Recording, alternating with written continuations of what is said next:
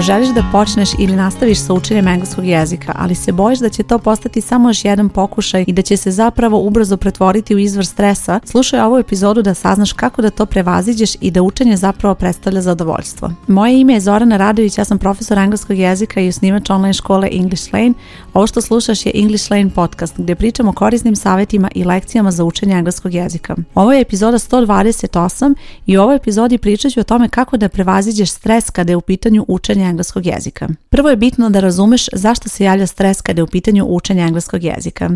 Svi koji uče engleski jezik u nekom trenutku osjećaju stres kada je u pitanju to učenje i različite su situacije koje mogu do toga dovesti. Ako tek počinješ sa učenjem engleskog jezika, verovatno ćeš osjećati stres u smislu kako da se snađeš, da li ćeš umjeti da napišeš neku reč, da izgovoriš neki glas i to je sve ono što je normalno da kod tebe izaziva stres jer je zapravo to nešto što je tebi ne nepoznato i tek treba da se upoznaš sa svim tim stvarima i normalno je da osjećaš iznesnu dozu stresa, ali je bitno da naučiš naravno i kako to da prevaziđeš. Ako si na srednjem nivou, sada si u situaciji da se od tebe očekuje da upotrebiš engleski jezik i bitno je da razumeš da ta upotreba podrazumeva da koristiš ono što već znaš. Zato i jeste bitno da učiš engleski kvalitetno, da učiš sa razumevanjem i doći ćeš u situaciju da moraš da uradiš neko vežbanje, da uradiš neki zadatak ili čak i da pričaš na engleskom i očekuje se da upotrebiš ono što znaš i to može biti neki izvor stresa za tebe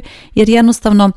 Postoje naravno neke stvari koje možda vremenom ili zaboraviš ili ne koristiš dovoljno, pa ti treba vremena da se prisjetiš ili jednostavno situacija gdje ti moraš da upotrebiš sve ono što znaš predstavlja neki izvor stresa za tebe jer to je kao neka provera da vidiš kako znaš sve ono što je naučeno do tada. Naravno, takva situacija može biti neprijatna, ali je bitno opet da naučiš načine kako da to prevaziđeš. E sad ja ovako pričam i ti možda zaključiš da je učenje engleskog jezika stvarno izvor stresa, ali želim samo da ti kažem da postoje takve situacije i pre svega nećeš se uvek osjećati tako. Znači ovo su neke pojedinačne situacije, a drugo postoji način da to prevaziđeš i da zapravo izbjegneš taj stres, da učenje ni u jednom trenutku ne predstavlja takav izvor stresa i da ne dođeš u takve situacije koje su tebi neprijatne i koje tebi izazivaju stres. A sve to je veoma važno naravno zato što će ti pomoći da ostaneš fokusirana, da ostaneš motivisana i da želiš da naučiš engleski jezik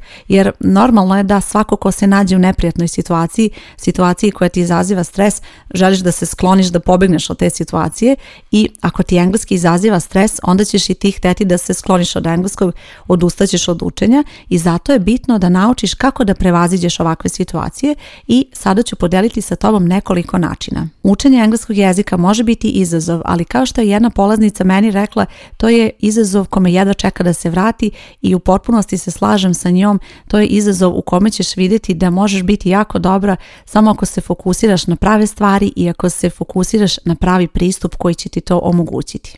Pa da počnemo. Prvo nešto što te može odvesti u tu neprijatnu zonu stresa je situacija u kojoj ti nešto ne odgovara, u kojoj se osjećaš neprijatno i vrlo je bitno da izbegavaš situacije u kojima se tako osjećaš. Dakle, izbjegavaj situacije koje ti ne odgovaraju na neki način. I evo šta tu podrazumevam. Recimo, možeš biti u situaciji da se upišeš na neki kurs i da onda kada se upišeš, recimo sa nekom grupom, shvatiš da niste svi na istom nivou znanja. I ti recimo možeš biti znatno ispred ili znatno iza drugih polaznika, što bi značilo da niste na apsolutno istom nivou i da onda program koji pratite ne možete da pratite na adekvatan način i takva situacija je nešto što može biti tebi neprijatno i nešto što izaziva dodatni stres. Znam mnogo polaznica koje su mi pisale baš sa tim problemom da dođu u situaciju da se upišu na kurs, ali da odjednom od njih se očekuje da imaju neko predznanje koje nemaju. I to je nešto što njih dovodi u izuzetno neprijetnu situaciju. Jedna polaznica mi je baš pisala da je u toku cijelog časa apsolutno čutala, nije ni smela da pita šta je nije bilo jasno, jer prosto svi drugi su znali to što se podrazumeva eto da znaju, a ona nije znala i mislila je da sad nešto ona to očigledno nije lepo naučila do tada ili šta već i ta cijela situacija je bila vrlo neprijatna za nju i naravno ubrzo je odustala od te grupe jer jednostavno htela je da izbjegne taj stres i odlučila da to uradi na taj način. Iako sada deluje možda ona je odustala od engleskog u toj situaciji, smatram da je dobro postupila jer jednostavno ako si u situaciji koja je tebi neprijatna i ako ti ne odgovara način na koji je uč nećeš moći da ostvariš rezultate i tada je bolje odustati što pre i pronaći neki drugi način nego biti uporan u nečemu što će samo da izaziva dodatni stres kod tebe i pre ili kasnije ćeš odustati ili ćeš shvatiti da jednostavno ne možeš da ispratiš sve što se od tebe očekuje. Dakle, bitno je da nađeš način učenja koji će tebi odgovarati i da na taj način izbjegneš tu situaciju. Naravno, mogu biti i druge situacije okidaš stresa, kao što je recimo situacija kada treba da koristiš engleski jezik, ali na nivou koji tebi nije adekvatan, tako da recimo ako ti treba da komuniciraš na engleskom sa nekim ko odlično govori engleski jezik, a tvoj engleski je možda na nekom srednjem ili čak i nižem srednjem nivou, normalno je da će takva situacija da ti izazove neki stres jer ćeš osjećati pre svega da ne možeš da odgovoriš na adekvatan način kao što to sagovornik očekuje ili ćeš se bojati da ne možeš da razumeš sagovornika zato što će koristiti neke reči ili konstrukcije koje ti ne razumeš. Dakle, probaj da izbegavaš situacije koje mogu biti izvor stresa i situacije koje mogu na neki način tebi izazvati neprijatno iskustvo i ovo je posebno važno ako tek počinješ sa učenjem engleskog jezika. Recimo, ako počinješ sa učenjem engleskog jezika, fokusirat ćeš se na programe koji će ti omogućiti da kreneš sa učenjem na pravi način i bit će prilagođeni tvom trenutnom nivou znanja, a nećeš recimo izabrati konverzacijski program ili recimo program koji realizuje izvorni govornik, jer to je nešto što može tebi biti preveliki izazov i nešto što će ti zapravo biti neprijatna situacija, izvor stresa, a ne nešto što će ti omogućiti da kreneš na pravi način. Još jednom ću se osvrnuti na važnost da izabereš program koji tebi odgovara i to je nešto što sam vidjela i na svom primjeru kada je u pitanju učenja engleskog jezika u mojoj školi Ponekad dobijem pitanja polaznica koje mi opisuju svoje iskustvo i svoje očekivanja kada je u pitanju učenja engleskog jezika, gde ja vidim da učenje engleskog jezika u mojoj školi može biti nešto što njima neće odgovarati. Recimo, postoje polaznice koje žele ubrzani program, a to je nešto što ja ne nudim u mojoj školi i onda im unapred kažem da je to program koji njima neće odgovarati jer ne može ispuniti njihova očekivanja i na taj način im pomognem zapravo da izaberu nešto što će njima više odgovarati jer ako polaznica želi ubrzani kurs, ona će biti pod stresom zašto ne uči brže ako bi htela da uči brže, tako da u svakoj situaciji bez obzira kakav način učenja tebi odgovara, izaberi ono što je tebi važno i ono što je tebi bitno, ono što ispunjava tvoje očekivanja jer to je nešto što će ti pružiti prijatnu sredinu za učenje i tu ćeš zaista moći da daš sve od sebe. Moraš biti u potpunosti zadovoljna programom koji pohađaš, profesorom sa kojim sarađuješ, grupom u kojoj se nalaziš. Dakle, sve je ovo nešto što utiče na tvoje iskustvo kada je u pitanju učenja engleskog jezika i zato je bitno da stvoriš te situacije koje će tebi omogućiti da budeš srećna i zadovoljna i da dobro napreduješ ovo nas dovodi do druge stavke kada je u pitanju kako da eliminiše stres kada je u pitanju učenja engleskog jezika, a to je da je potrebno da pronađeš sredinu gdje se osjećaš prijatno, gdje ti je prijatno da pričaš na engleskom. I evo zašto je to važno. Konverzacija će biti jedna od najvećih prepreka koje ćeš vidjeti kada učiš engleski jezik. Opet, bez obzira na kom si nivou, konverzacija je izuzetno važna, odnosno važno je da koristiš engleski jezik ali ujedno to je i nešto što izaziva puno stresa zato što se od tebe u konverzaciji očekuje da upotrebiš sve ono što znaš. Dakle, u redu je ti recimo naučiš present simple, naučiš brdo nekih reči i ti sve to znaš onako što se kaže na papiru, ali kada dođe konverzacija ti treba sve to da sklopiš onako kao jednu slagalicu, da sklopiš u jednu kompletnu sliku i da u tom trenutku u konverzaciji pokažeš u stvari šta znaš. I to je nešto što zapravo predstavlja najveći izazov i iako to jeste naravno prepreka, zapravo treba da nađeš sredinu koja će ti biti tako prijatna da uopšte nemaš strah da pokažeš ono što znaš.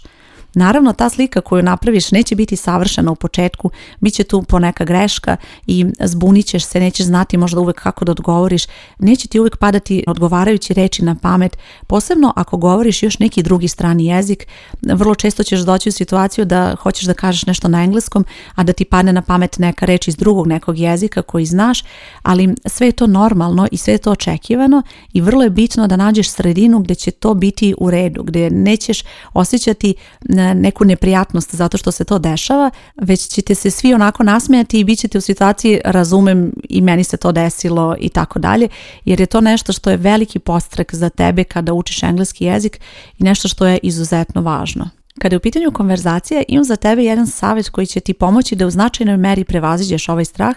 a to je da se fokusiraš na učenje, na učenje na kursu na koji pohađaš. Ovo je veoma važno jer nemoj očekivati da će konverzacija sama od sebe postati bolja tako što pričaš na engleskom. To nije dovoljno i zapravo pravi pomak u konverzaciji se vidi tek kada učiš, ako učiš redovno, učiš nove reči, učiš nove konstrukcije, stalno se susrećeš sa novim rečenicama i sa novim izrazima, što kroz lekcije, što kroz vežbanja i kroz ostale aktivnosti koje imaš na kursu koje pohađaš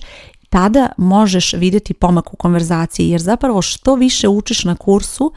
to će biti veći i bolji pomak u konverzaciji i bit ćeš i više sigurnija i moći ćeš naravno mnogo toga više da kažeš u skladu sa onim što učiš. Postoji i jedan skriveni izvor stresa kada je u pitanju konverzacija.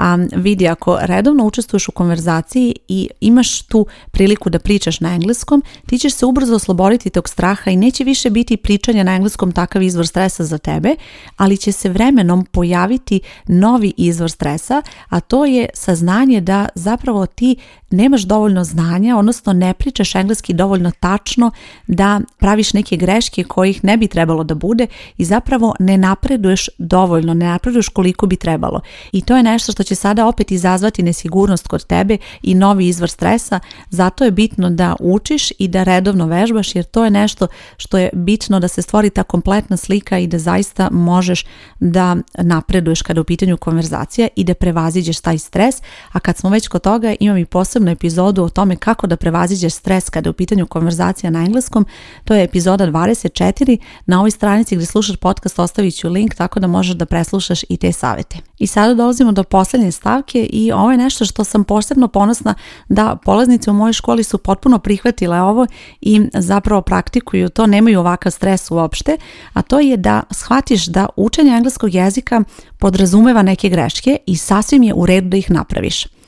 Ovo je nešto što može biti veliki izvor stresa, posebno za odrasle koji uče engleski jezik, jer jednostavno želiš da ono što radiš uradiš na najbolji način, ali zapamti da će učenje engleskog jezika uključivati sigurno neke greške. Dakle, sigurno ćeš napraviti neku grešku bez obzira da li je u pitanju vežbanje, da li je u pitanju zadatak, konverzacija, šta god, očekuj neku grešku, ali je bitno da razumeš svoje greške i da naučiš iz svake greške koju napraviš. I to je nešto što ti je neophodno za učenje engleskog jezika, jer shvati, učenje engleskog jezika je takvo da učiš nešto, a onda konstantno testiraš sebe. Radit ćeš vežbanja i bez obzira koliko god imaš godina, možda ti deluje onako um, neozbiljno da sad radiš neko vežbanje i da testiraš sebe, ali znaj da je ovo odličan način da sebe proveriš, da vidiš kako napreduješ i da postaviš sebi neke mini izazove svaki dan, svaki drugi, treći dan kada učiš engleski jezik imaš neki onako mini izazov koji treba da prevaziđeš i da onda na taj način naučiš i sva greške. Ako misliš da imaš previše godina da radiš domaće zadatke, imam lošu vez za tebe jer učenje engleskog jezika jednostavno nije moguće bez toga. Dakle, moraš da radiš vežbanje, moraš da radiš aktivnosti koje su vezane za učenje engleskog jezika, bez obzira da li je to pisanje, slušanje, pričanje, sve su to aktivnosti koje tebi pomažu da učiš engleski jezik, a naravno što više tih aktivnosti, pa više i prostora za neke greške, ali moraš da imaš u vidu da su greške u redu i greške je bitno da razumeš u suštini zašto se javljaju i da imaš nekoga ko će ti ispraviti te greške. Dakle, bez obzira koju aktivnost radiš, dobro je da imaš nekoga ko će pogledati to što radiš, da saznaš gdje grešiš i zašto grešiš. Zato je meni izuzetno važno da polaznicama u mojoj školi pregledam svaki zadatak koji pošalju, zato što na taj način one mogu da vide jasnu sliku kako napreduju sa učenjem i kako se učenje engleskog jezika za njih pretvara onako neki izazov koji oni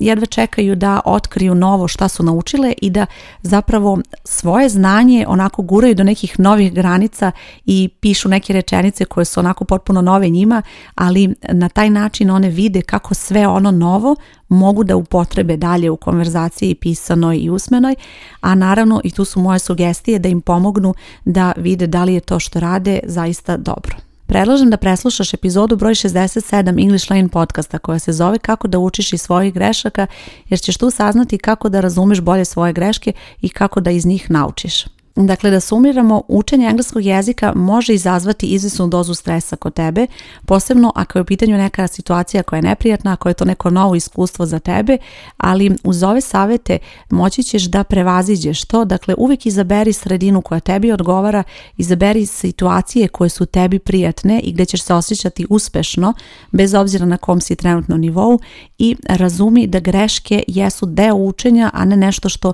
treba tebe da sputa i obeskrabri, već nešto iz čega treba da naučiš. Kada imaš ovakav stav i kada ovako razumeš učenje engleskog jezika, onda učenje neće biti takav stres i zapravo ćeš vidjeti da učenje engleskog može biti jedno veoma prijatno iskustvo i nešto u čemu ćeš zaista uspjeti da se pokažeš i daš sve od sebe i moći ćeš da posle nekog vremena za sebe kažeš da umeš da govoriš engleski jezik ali kada učiš engleski jezik moraš biti hrabra, moraš konstantno očekivati nove izazove, nemoj da misliš da ćeš stalno biti u nekoj poznatoj situaciji, dakle moraš da ideš dalje jer je to nešto što će ti omogućiti napredak kada učiš engleski jezik. Inače škola koju sam pomenula u ovoj epizodi par puta, ako ne znaš, zove se English Lane, u pitanju je online škola za učenje engleskog jezika i ako ovo prepoznaješ kao sredinu koja će tebi omogućiti da napreduješ i da nastaviš sa učenjem engleskog jezika, predlažem da pogledaš detaljnije na ovoj stranici gdje slušaš podcast jer će tu biti link ka školi, a možeš i potražiti English Lane online škola. U pitanju je online škola, uči se preko interneta na kursevima čiji sam ja autor i kada pročitaš detaljnije o školi vidjet ćeš da li je ovo nešto što tebi odgovara i nešto što će ti omogućiti da učenje engleskog bude prijatno iskustvo za tebe. Hvala ti što slušaš podcast, nadam se da su ti korisni savjeti koje sam podelila sa tobom. Moje ime je Zorana Radović i čujemo se uskoro. Ćao!